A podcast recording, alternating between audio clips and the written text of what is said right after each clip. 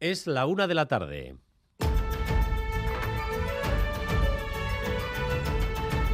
Crónica de Euskadi con Dani Álvarez.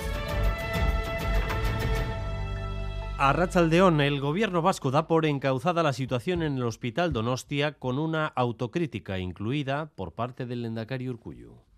Agian autokritikaren batzuk egin beharrekoak dira, batez ere barne komunikazioari begira, bestetik ere pentsatuz zer nolako tentsionoa mendua dagoen osasun sistemen inguruan.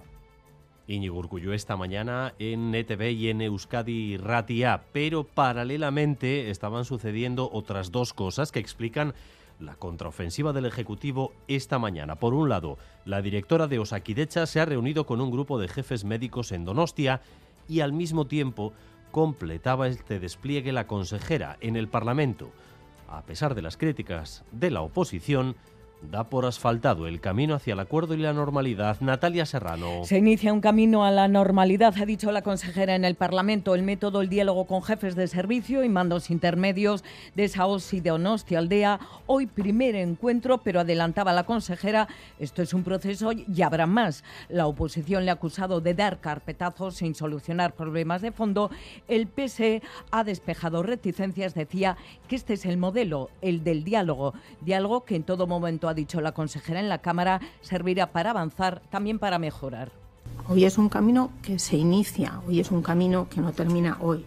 Y Osakidecha avanzará siempre desde la participación del conjunto de la organización. En Madrid, segundo asalto en el Tribunal Constitucional. A los magistrados, los partidos, el PP, el PSOE, Unidas Podemos, les han presentado tantas solicitudes de recursos, de medidas cautelares, de recusación que tendrían papeles para revisar durante años. Es decir, es más que probable que hoy tampoco haya ninguna decisión definitiva sobre la reforma del Poder Judicial. Madrid, Nerea Sarriegui. Sí, reunidos desde las 10 de la mañana. Se prevé un pleno largo, largo y difícil, porque sobre la mesa está la opción de tomar una decisión sin precedentes, que el Tribunal Constitucional paralice, en este caso a petición del PP, la tramitación de una iniciativa parlamentaria que no se ha votado aún definitivamente y que busca renovar el propio tribunal. En la reunión, dos miembros cuya recusación han solicitado el PSOE y Unidas Podemos que se aparten de la decisión. El presidente Pedro González Trevijano y el magistrado Antonio Narváez insisten en que no pueden decidir sobre algo que les afecta personalmente. Y esta mañana hemos escuchado aquí en Radio Euskadi al presidente de la industria de defensa en España. Es Ricardo Martí Fluxá. Ocupó cargos relevantes en los gobiernos del Partido Popular cuando lo lideraba José María Aznar y fue también consejero delegado de ITP. Nos ha contado que la imagen de la industria de defensa ha mejorado tras la invasión de Ucrania y subraya el papel de varias empresas vascas del sector. Según dice, generan mucha riqueza tanto Ernova como ITP, como muchas otras, porque sobre todo son empresas tractoras, creadores, creadoras de riqueza y sobre todo creadoras de las estructuras que en el País Vasco es importantísima de, alta tecnología.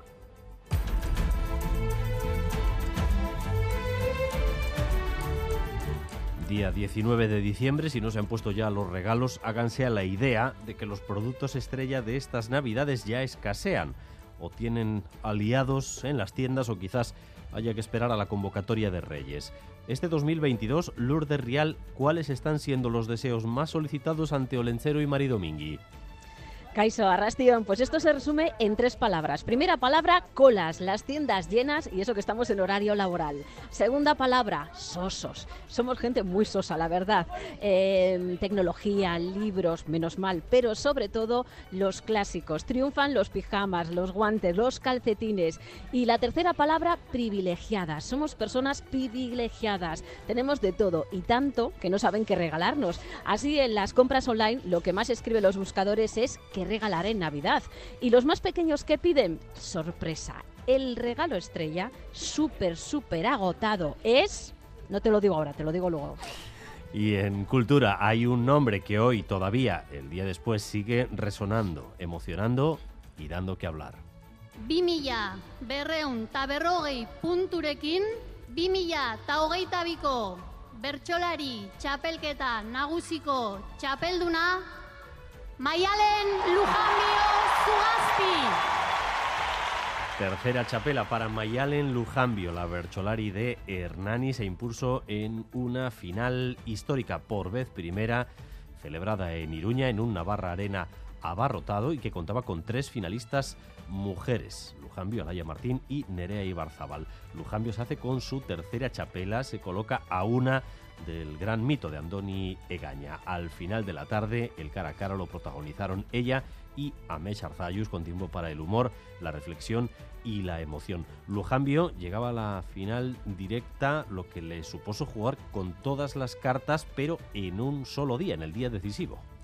Ganekin zaila izango zala, e, saio batea jokatzia dena, txapelketaren formatan, txapelketaren korse guztioen barruan, kosta egiten da jartzea, da kosta intzait. Lantxua izan den sensazioa daukat, eta ondoren, bakaro, ba, poza hondia noski. En tiempo de cultura tendremos eh, ocasión de valorar con algo de reposo esta final de ayer acompañados por Xavi Payá. Y en Argentina no para la fiesta, la Copa del Mundo más épica en lo que llevamos de siglo, a pesar de haberse disputado en un país no democrático, nos dejó una final memorable, tanto que la selección derrotada, Francia, estuvo liderada por un jugador Kylian Mbappé que metió tres goles más otro en la tanda de penaltis. Levantó dos veces el partido cuando ya parecían derrotados pero no pudo hacer frente al más grande de la historia, Leo Messi.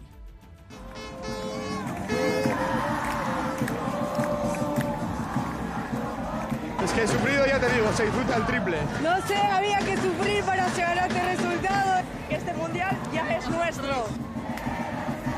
La gente de Argentina es así, es ruidosa, son pocos en Euskadi, pero se les ve y se les oye y hoy son felices. Messi, Mbappé, y otras noticias del deporte con Álvaro Fernández Cadierno. Arrachaldeón, Álvaro. Sí, además de frotarnos los ojos con esa fantástica final de ayer, hoy tenemos dos citas eh, en la pelota, en los frontones, en el Parejas, por ejemplo.